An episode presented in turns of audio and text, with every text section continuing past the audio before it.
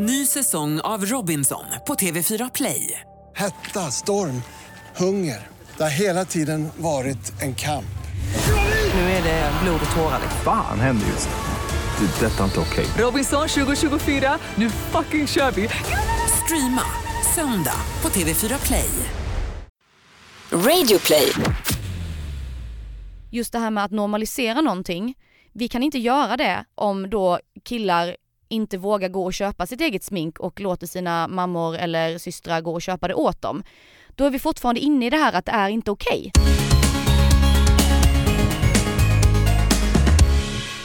Välkommen till det första avsnittet av Rainbows liv 2018! Och om du tycker att det låter lite konstigt så är det för att det gör det. Jag sitter nämligen här just nu i min säng i Stockholm medan Anton är i Kiruna och den här fantastiska presentationen som vi gjorde till det här avsnittet är spårlöst försvunnet, vi hittar inte den, tyvärr. Men jag lovar att det blir bättre ljud alldeles snart, för då kommer vi prata med Linda Hallberg, hon har ett eget makeup-imperium och vi ska prata om att killar och vem som helst kan gå in och köpa sitt eget smink och det ska inte vara något problem. Och hon har ju pojkvän idag, men det hade kanske inte behövt vara så. Ja, du får höra henne berätta det själv. Nu kör vi igång veckans avsnitt med Linda Hallberg här i Regnbågs liv och jag Tobias Trovitz säger än en gång tack och förlåt för det här.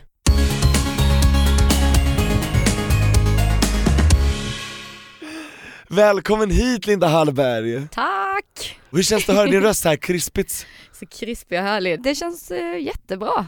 Det ordet tycker inte du om har jag hört, krispigt. Nej jag gillar inte det riktigt, det låter, jag vet inte. Det, nej. Jag gillar det inte bara. Vi säger nej på det, men vet du vad, du låter jättebra. Ja, Vad bra, krispig och bra. Ja, för varifrån kommer du i Sverige? Jag är från eh, Sölvesborg. Är det i, jag gissar Småland? Det är helt fel. Nej. Nästan rätt okej. Du vet. Nej, Nej, jag, jag vet ju däremot att eh, Sweden Rock Festival spelas Men där var ligger. Sölvesborg i Sverige? Det ligger i Blekinge. Men det är Ja. nära ändå, snälla. Ja Småland, okej, Blekinge. okej det, det är nära. Men det är många som tror att Blekinge typ ligger i Skåne eller i Småland. Nej men jag Det vet är, att lite, det, det är lite bortglömt som Närke typ. det är tråkigt, det är tråkigt. Ja, När, Närke faktiskt. Det Örebro. har jag vet. Ja, ja, ja, ja. Men får du ofta frågan om du kommer från Skåne? Ja. Ja. Men hallå, jag tycker det låter klockrent som Lena Philipsson typ, Okej. för mig, alltså Verkligen, att du är från Okej. Vetlanda, i Småland. Nej. Så, mm. ja, kanske det. Men Linda Hallberg, du är ju en drottning. Nej men tack. Ja, nej, men jag skulle vilja snacka lite om eh, ditt imperium som du håller på att bygga upp. Ja. För nu har det ju hänt massa spännande grejer och eh, jag skulle vilja backa bandet till, till liksom början av allting när du eh, kom på att du skulle vilja starta det här eh, fantastiska modeimperiet eller right. makeup-imperiet. Mhm.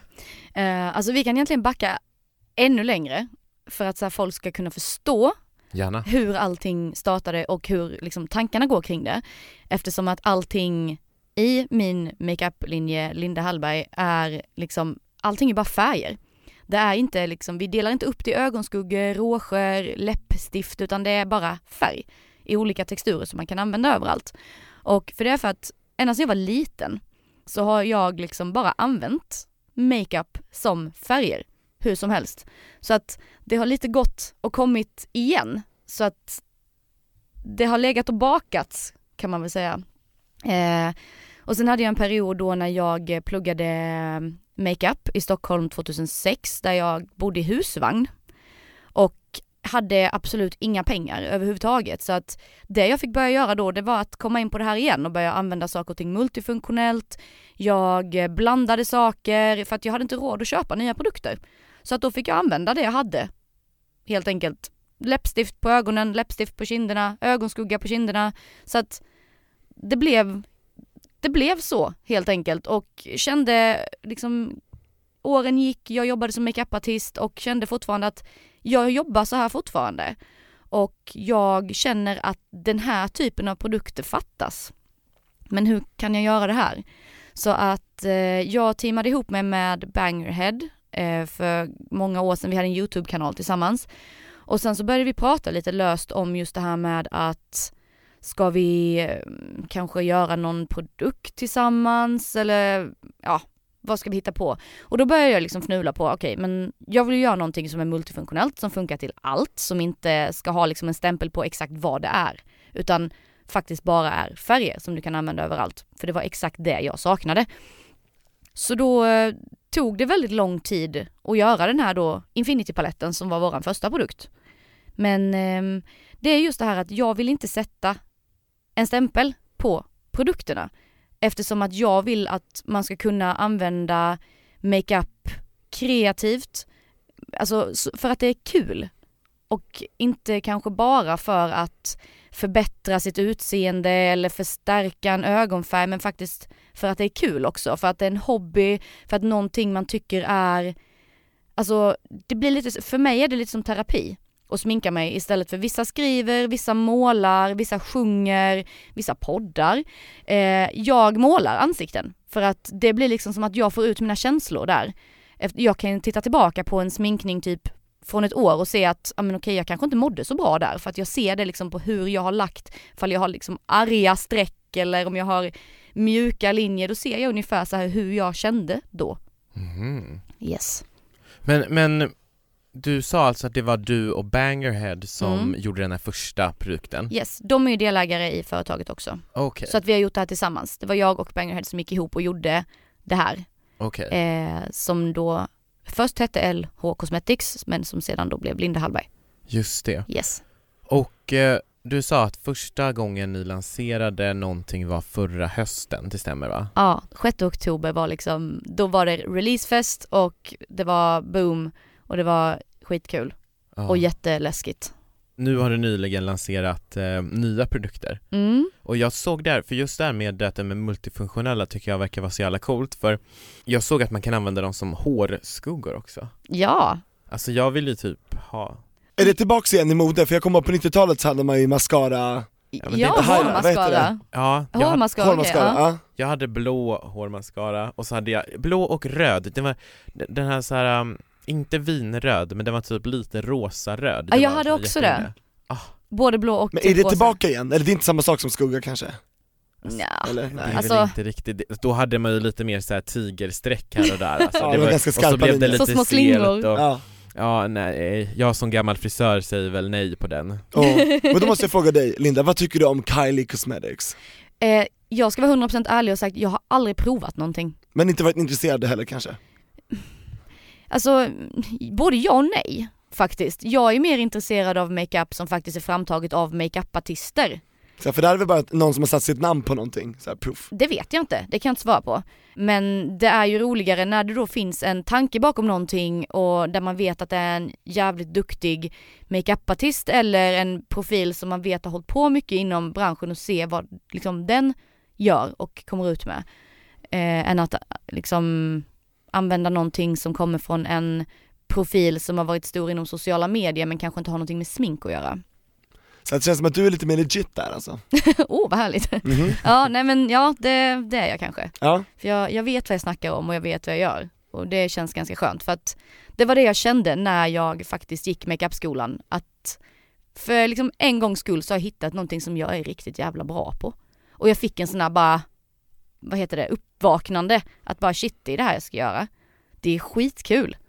Plus att liksom, ja men man, man hittar en väg och faktiskt kunna tjäna pengar på det. Ja. det trodde ju- du skulle gå så här bra då? Ja, det ingen... När du var där i husvagnen och liksom skrapade ihop? Nej men alltså det var ju bara, alltså en sån situation plus att liksom bo i husvagn man är 18 år, man har typ inga pengar, man flyttar till Stockholm, alla tycker det är jättekult och jag sitter i en husvagn och bara det här är inte alls coolt. Jag skämdes ju skitmycket och vågade inte berätta liksom för folk var jag bodde utan jag bodde i, så, i, på en camping i Solna. Eller vad säger jag, förlåt. Jag bodde i Solna. Jag sa aldrig var och jag liksom ville ju inte ta hem Solvalla. kompisar. Eh, nej, Nej, eh, Ängby. Ängby, okej, mm, Eh, Snarare Bromma tror jag, inte Solna men Bromma. fattar. Ja, men Mm. det var ju jättejobbigt för Ja, mig. ja. Skitjobbigt att hålla den fasaden uppe och samtidigt. Men jag bara kände att jag vill göra det här. Det här är någonting jag verkligen vill och jag ska klara det. Även om jag hade liksom så här 100 meter till rinnande vatten så jag kunde tvätta mina penslar. För det var ju inte bara att ja, men, tvätta penslarna i, i vasken utan ja, det, det var lite kämpigt. Och nu kan vi säga Linda, du har lämnat husvagnen. Ja, Mm. det Men- har jag. Men du var alltså 18 år när du flyttade från Sölvesborg upp till Stockholm då? Ja. Vad var det som fick dig att ta beslutet att bli makeupartist? Alltså det var väl att jag har alltid varit konstnärligt lagd och alltid liksom gillat att måla och rita och sen så, jag, det var jättespontant. För jag visste inte knappt vad en makeup-artist var. Alltså när jag var 18 visste inte jag vad en concealer var för någonting. Jag visste vad textstift var. Concealer hade jag aldrig hört. För jag var inte sminkintresserad för fem öre. Eh, men sen så såg jag en, eh, en annons i en, jag tror det var typ Veckorevyn eller Frida eller någon sån tidning. Där det stod så här, vill du bli makeupartist? Och sen så var det en bild på en kroppsmålad tjej. Och jag bara, åh, alltså det är det där jag vill göra. Alltså jag bara kände att jag ska göra det där, jag vill måla på människor. Jag vill måla på liksom ansikten, på kroppar. För att det är ju en helt annan sak att måla på ett ansikte eller en kropp än att måla på ett vitt eller svart papper. För det är liksom platt och sen så jag är överlag väldigt intresserad av människor, människors historia, hur, liksom, hur folk tycker och tänker. För man, när man jobbar som makeupartist är man ju också lite så hobbypsykolog. För man får ju veta väldigt mycket och få ta del av folks historier. För man sitter där i deras ansikte ganska länge och Ja, pillar, då måste man ju precis. säga någonting, det kan inte vara så stelt och tyst. Nej, och då, då får man ju veta så himla mycket så att liksom dels att, ja men ett papper pratar liksom inte. Det blir ganska tyst och tråkigt så att det är ju väldigt inspirerande också. Nog med att man får vara kreativ och det är jättehärligt men du får ju också ta del av en annan människas historia på ett eller annat vis och jag tycker det är skit häftigt. Ja, verkligen.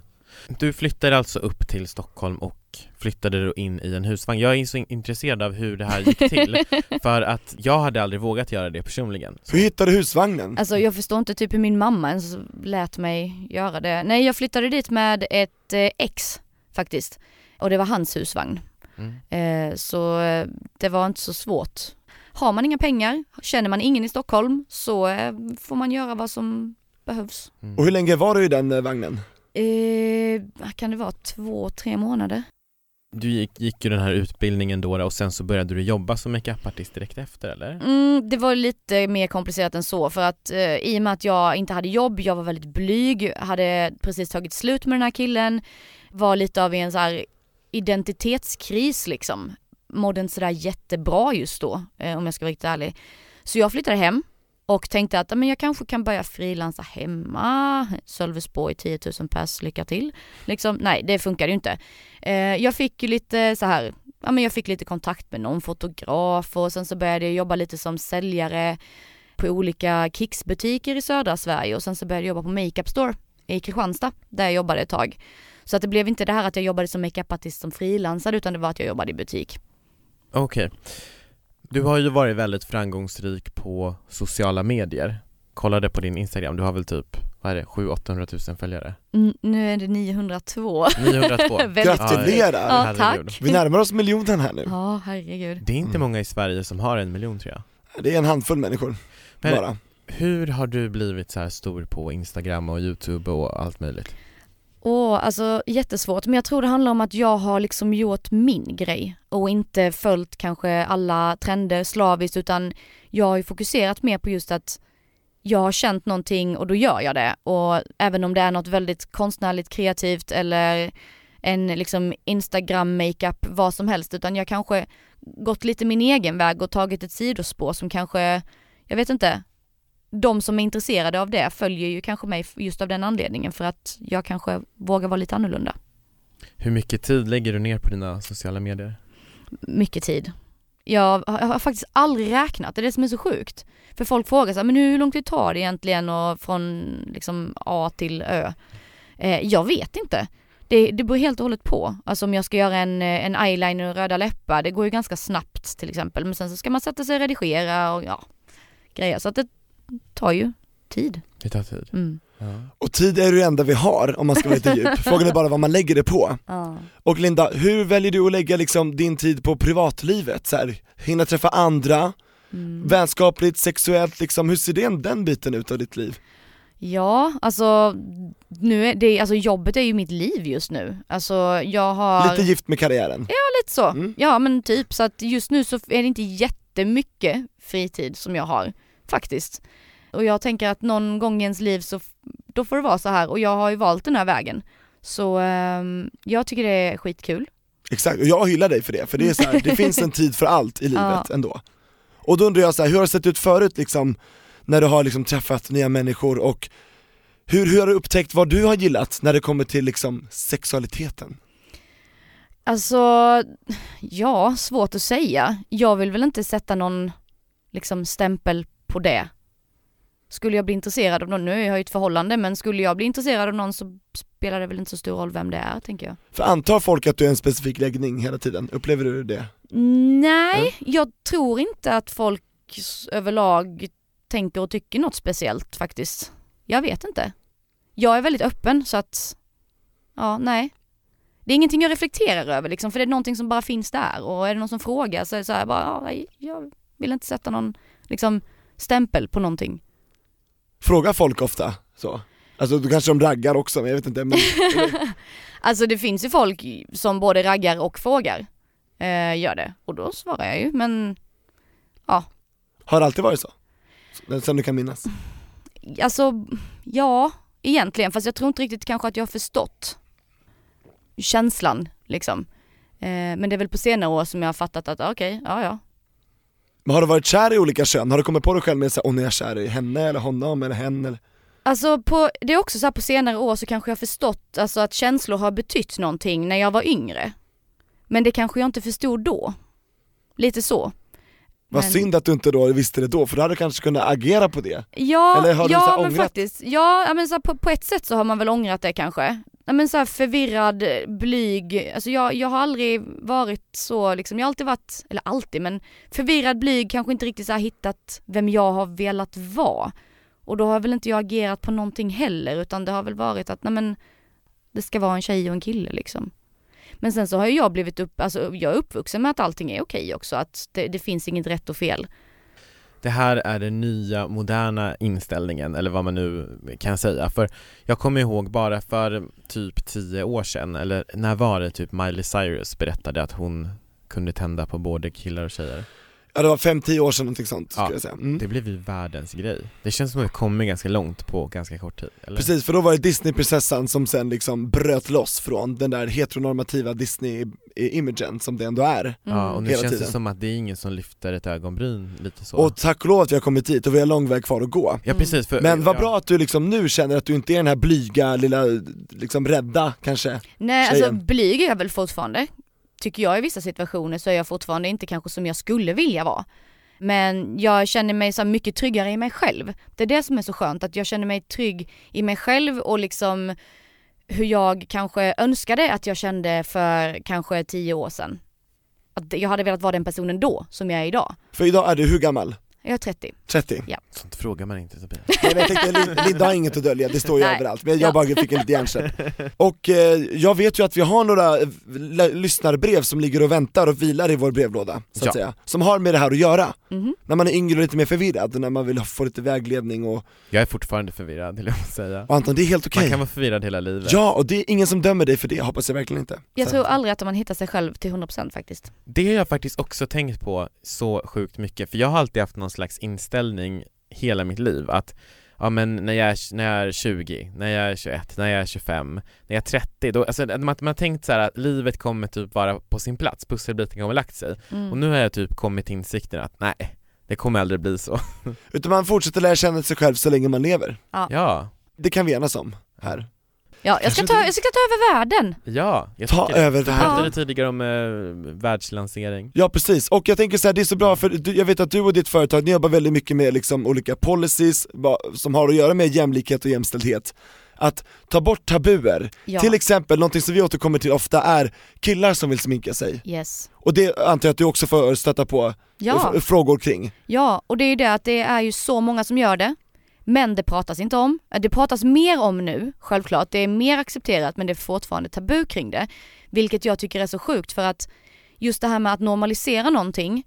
Vi kan inte göra det om då killar inte vågar gå och köpa sitt eget smink och låter sina mammor eller systrar gå och köpa det åt dem. Då är vi fortfarande inne i det här att det är inte okej. Avdramatisera allting liksom, det är bara smink, folk vill testa saker, varför kan vi inte bara göra det? Ja, alltså det klistras inte på en etikett bara för att man köper en concealer Nej. Det måste vi verkligen förstå här Sära på saker, hålla två saker i luften samtidigt Ja, Du är inte någonting bara för att du köper någonting, eller är, lite den? För jag tror många är rädda för det, åh nej kommer någon tro att jag är bög nu eller gillar killar som kille till exempel bara för att jag köper en concealer Är ni med vad jag tänker? ja, fattar helt. Ja, Mm. så att nej, nej, nej Det betyder inte mer än vad det är Det Mm. är ett smink som förhoppningsvis är väldigt bra, som kan göra dig liksom gladare, Ja, alltså du vet, hallå, Ja Mm. men tycker du att det är kul, gör dig glad, kör! kör! Jag har aldrig fattat det här med liksom så här tjejgrejer och killgrejer eller vad Nej. man pratat om tidigare Jag har alltid gått och köpt samma concealer på Kicks, på, på tal om att du, du samarbetar med dem, Ja. alltså alltid så här, fairly light, mellan fair och light, du vet vilken CC, alltså vi kör, Det är ju ingen concealer kassörskan, men, är det inte det? Nej, det, jag tror det är en CC cream va? Men inte det concealer, står inte det för concealer cream, CC? Ja, ah, CC står för color correcting. Ah, Okej, då- Så att okej. det, ja, det, jag har köpt min samma color corrector hela tiden, i alla fall, sen typ 2010 Alltså Ja. så att jag, det är så här, ah, jag, då har jag brutit den normen varje gång då när jag har gått in där Ja. Yes, och jag gör det högt, hallå en fairly light CC, du vet ja men så här, det, är ju ingen, det är ju ingen på kick som höjer ett ögonbryn om det kommer in en kille och köper en concealer liksom. Precis Det är ju inte det. Det är konstigare om deras syrra kommer in och köper åt den för att han inte vågar Och göra bara, det själv. eh, så här ser han ut, det här är hans hudton, kan du bara kolla? Man bara, hallå, fett lame, in med honom istället liksom Ja. Bra Linda Och Anton, jag, jag tänkte säga brevlådan eh, står och vibrerar Ja, här. vi tar in eh, veckans första lyssnarbrev Ett poddtips från Podplay. I podden Något Kaiko garanterar östgötarna Brutti och jag, Davva, dig en stor dos skratt. Där följer jag pladask för köttätandet igen. Man är lite som en jävla vampyr. Man har fått lite blodsmak och då måste man ha mer. Udda spaningar, fängslande anekdoter och en och annan arg rant. Jag måste ha mitt kaffe på morgonen för annars är jag ingen trevlig människa. Då är du ingen trevlig människa, punkt. Något Kaiko, hör du på Podplay. Därför är gardinerna. Hej Anton Tobias med gäst. Jag älskar eran podd, den har hjälpt mig på många olika sätt. Både superrolig och informativ. Tack! Verkligen. Det senaste året har jag identifierat mig som pansexuell. Och jag är stolt över att vara en del av HBTQ plus-gemenskapen men jag är rädd för att komma ut. Jag är inte rädd för att vara den jag vill vara eller att människor ska reagera negativt men jag är rädd för att bli märkt som pan och inte kunna ändra det senare. Hur tycker ni att jag ska göra? Tack! Ja, Ska vi börja med dig Linda? Bra fråga och alltså det måste kännas så kul för er att få liksom så här hyllningar. Oh ja, men det är du van vid varje bra. dag. Det, man, man blir aldrig riktigt helt van, Nej jag vet. utan extremt ödmjuk och tacksam. Ja. Ja. Ja men alltså till frågan, vad ska jag svara? För det finns ju en dubbelhet i det här med att liksom hitta sig själv och vilja ha en läggning. Ja, precis. Men varför då ens identifiera sig som någonting? Varför inte bara vara och sen så låta det vara så? Exakt. Varför då begränsa sig själv Ja, till bara den läggningen? ja. Eller hur? Men det jag tänker är att det kan ju vara skönt också att eh, liksom just den här komma ut-processen och att man känner så här att ja men nu tillhör jag det, det här är min identitet eller att jag vet inte. Jo för det är så skönt, alltså det kommer, det, man kommer in i ett sammanhang men sen kanske man också kommer in i en, lite av en bur, alltså det, det, det är som att det är både negativt och positivt som följer med lite grann, att man här, här är jag, här är jag med mina kompisar men oj vi är visst fast i det här inhägnade området på något sätt Men sen Ja. tänker jag om man vill ändra sig då kan man väl göra det. Alla människor Precis. ändrar ju sig eh, under livets gång. Så är det så att den här personen inte känner så om tio år, då är det väl ingen som tycker det är fel om den ändrar på sig. Precis. Det är ju, Mm. ingenting är ju skrivet i sten. Och det är Exakt. det jag tror att ehm, är liksom lite här där, där skon klämmer eller vad man ska säga, för jag kan gå till mig själv, när jag skulle komma ut eller vad man nu ska säga Så jag tror att jag sa till en kompis att jag var bisexuell för att typ gardera mig Alltså förstår ni vad jag menar? Så att jag inte bara För att du vet inte om du träffar Mrs Right eller Mr Right, det vet Ja. man inte liksom Och nu Mm. är jag en sån här person som inte vill ha någon label överhuvudtaget Så jag är ju liksom on your page där Mm. Linda, att jag, jag känner så här att jag har inget behov utav det Jag vill inte göra det, jag vet heller inte Eh, Hur känner du Tobias? Jag känner, ja men den här dubbelheten känner jag, för jag känner det är så skönt att vara i ett sammanhang där vi liksom alla är tillsammans och lika jag, jag finner mig ofta när jag hänger med min eh, bögmaffia som jag kallar dem för liksom. Då är ju vi liksom, vi är bögar, vi är killar som gillar killar, vi har det gemensamt, vi har väldigt mycket att prata om, det är jättemycket saker som är gemensamt. Hur vi blir bemötta av folk, vad vi gillar och liksom olika, ja men klubbar och kultur. Och det är lite farligt kanske när det blir så mycket livsstil förknippat med en läggning. Om man sen ska byta, eller alltså när man bara, inte byta men när man vill liksom känna sig att nu är inte jag pan längre till exempel då vill man inte känna att man ger upp en hel livsstil och en hel personlighet som man har blivit bara för att man inte gillar samma sak. Förstår ni vad jag menar? Det är Ja. farligt att klistra på för mycket. Men Ja. Men det är lätt att bara kunna- svepas med i det här. Ja men skulle man kunna säga då att den här personen skulle ju kunna komma ut som hbtq-person men behöver ju inte identifiera sig mer än så? Ja, alltså du är icke-heteronorm. Ja men så, så här, att man kommer ut som icke-hetero Ja. och sen, ah, okej men vad är du då? Är du pan? Nej jag vet inte riktigt, jag känner mig som det men jag, jag vet inte Det är ju helt okej att inte Absolut. veta Men det finns de i vårt samhälle tyvärr som pressar till eh, etiketter, men och det tror- tycker jag är fel. Ja, Det är jättedumt. Ja, det är otroligt bakåtsträvande och, ja. Ja, för ibland så vet man inte och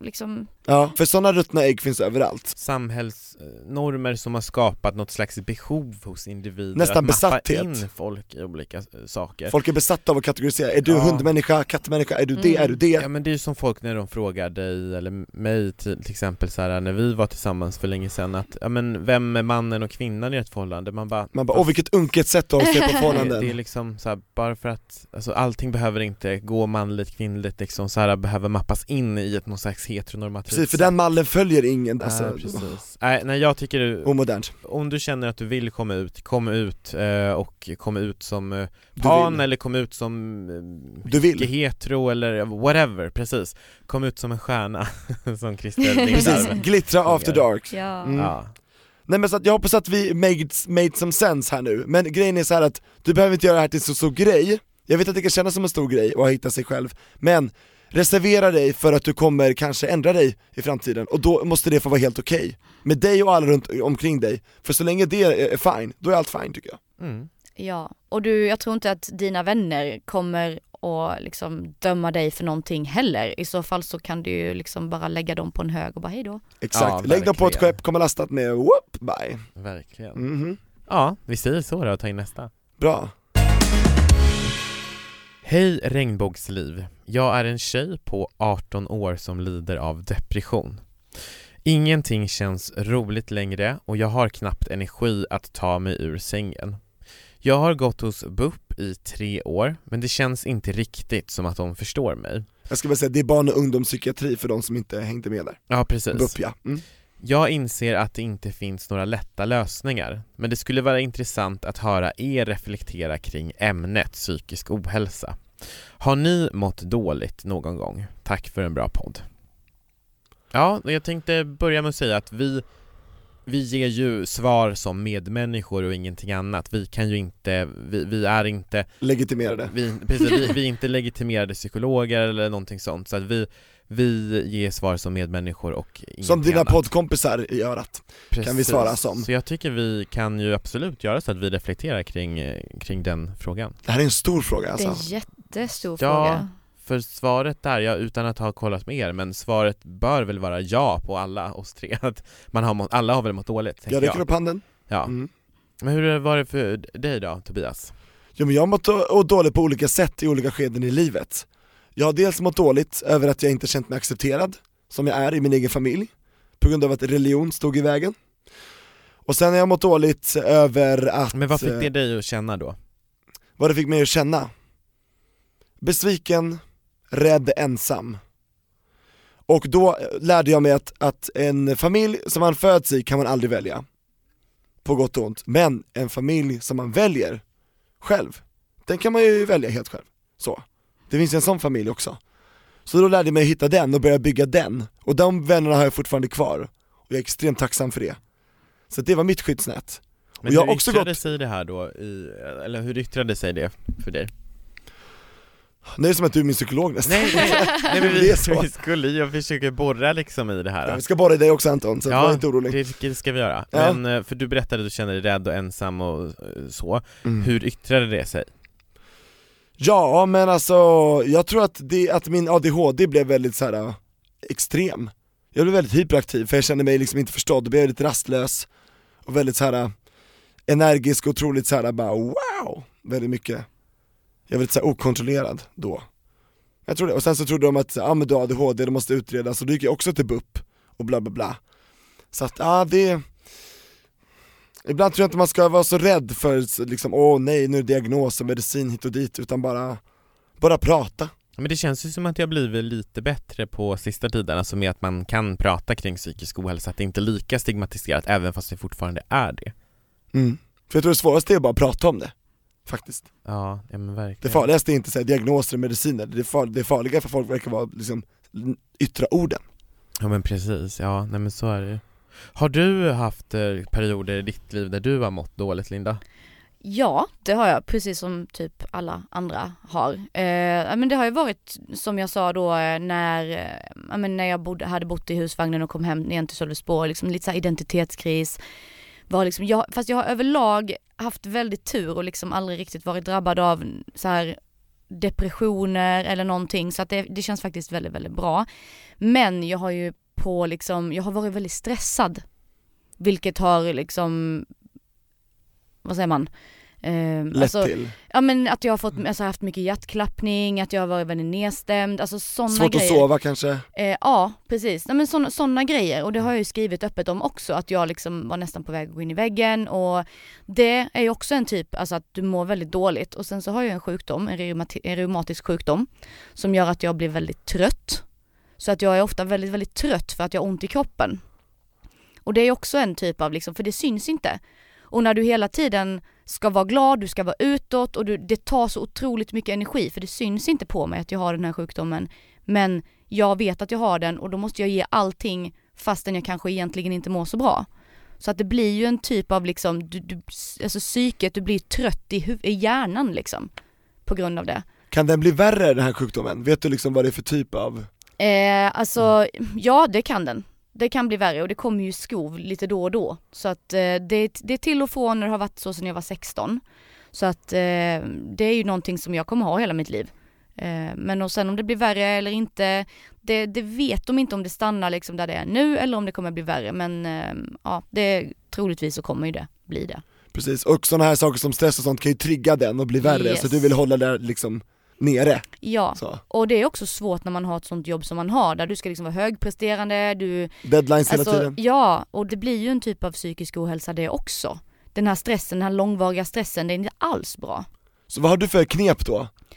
Eh, Har du så medveten närvaro, mindfulness, lyssnar du på någonting för att coola ner, eller? Alltså just den här när jag, när jag var, när det var som värst och jag bara kände att det kommer gå åt, alltså det var typ som ett uppvaknande. Och jag bara kände att, alltså jag lärde mig väldigt mycket av det. Jag skulle inte vilja ha det ogjort på ett sätt för att jag har lärt mig otroligt mycket. Jag har lärt mig liksom att jag kan faktiskt lugna ner mig, jag kan ta det lugnare, jag gör saker och ting lite långsammare och alltså ser nu andra som är på väg åt samma håll som jag och liksom känner att eh, jag vill hjälpa dem för att jag vill inte att de ska hamna där. För att jag ser ju exakt de Varningssignaler. Sign- varningssignalerna ser ju jag långt innan de själva ser dem, för att jag såg dem inte heller. Och när man ser dem så är det redan för sent. Yes. Anton, har du några, några något att tillägga, din erfarenhet och om du har några knep? Ja, alltså jag skulle väl säga så här att jag hade en ganska turbulent tonårstid skulle jag säga. Mycket olika hårfärger du testade, mycket olika looks, eh, lite så. Ja, sen har ju det, det, det behöver ju inte betyda att man har en turbulent tonårstid, Nej, att man nej, färgar nej. håret. Nej men alltså du liksom experimenterade mycket med olika saker kan man säga. Jag hade väl ganska så struligt em, när jag började gymnasiet, jag var väl, hamnade väl lite snett och eh, jag var väl lite i en identitetskris kan man väl säga. Det var precis, jag hade kommit underfund med att jag inte var hetero och jag hade också förstått att det kunde vara svårt att leva det. Jag bodde ju uppe i Kiruna då i norra, norra Sverige och eh, jag hade kommit underfund med att det kan vara svårt att leva det livet som man kanske ville, jag ville leva då eh, där och då så träffade jag en kille som bodde i Stockholm och eh, ja men den, hela den grejen så här var en, en nära släkting till mig gick bort. Eh, och liksom tonåren är nog jobbig och jävlig ändå.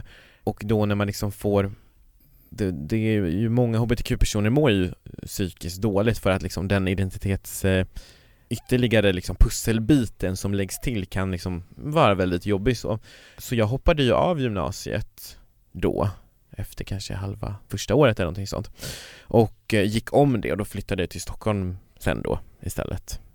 Nu var jag kanske lite luddig och inte särskilt specifik, men jag har absolut haft liksom period där jag har mått sämre. Det kanske kan, kan djupa dig i ett, ett kommande poddavsnitt kanske.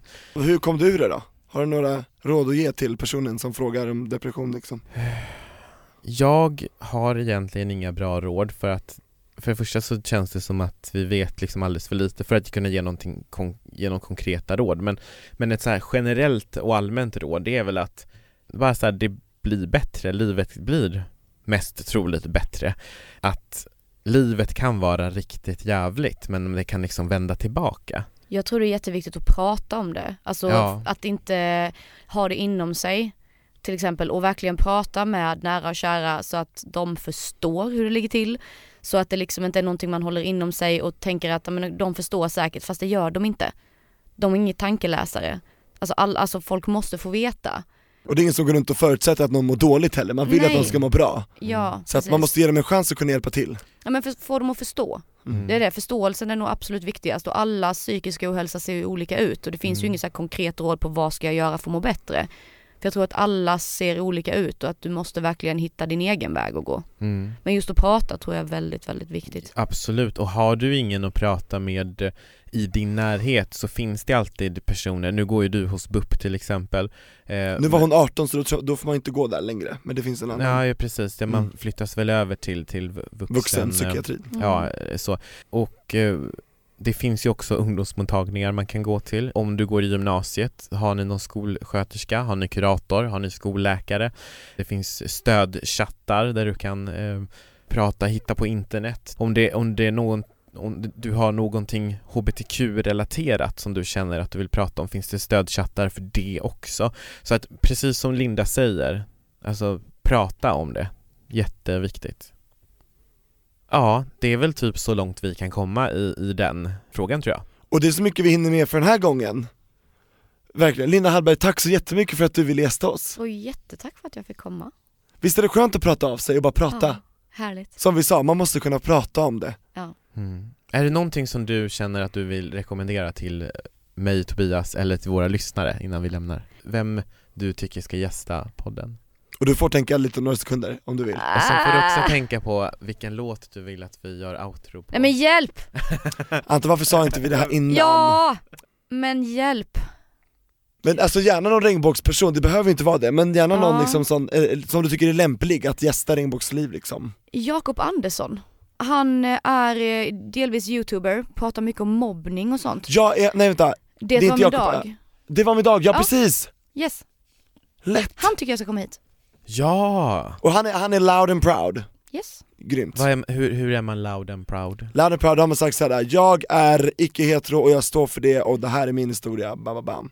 Ja, För jag känner till några youtubers som inte liksom vill definiera sig själva som icke-hetero, eller något annat än hetero än, och då, då ska de få ta sin det tid så. är helt okej. Ja, det är helt okej. Ja, men eh, jättebra tips. Tack. Mm. Jakob Andersson. Ja. Och Exakt. Linda, har du någon låt som du tycker är lämplig att eh, dansa ut det här avsnittet till, så att säga? Mm, och Bohemian Rhapsody med Queen. Ja, den är fin. Åh, Galileo Den är fin. Figaro. Den är- Ja men vad härligt, vi har avhandlat psykisk ohälsa, vi har avhandlat eh, din väg till ett eh, makeup-imperium. Från husvagnen till imperiet. Ja, God fortsättning får vi säga. ja, Hallå, 2018, nu kör vi! nu är vi här. Heja heja. Nu är den här. Vad har du, har du någon nyårslöfte? Gjorde du något? Ja. Nej alltså jag har aldrig några nyårslöften för att jag kan aldrig, jag kan inte hålla sånt. Nej. Jag tror inte riktigt på det. Är det någonting jag bestämmer mig för så gör jag det ändå liksom. Ja, det är bara myt nyårslöften. Ja. Vi spräcker hål på den också nu medan vi Ja. kan. Ja. Tack och förlåt för allt! Hejdå! Hejdå! Mamma mia!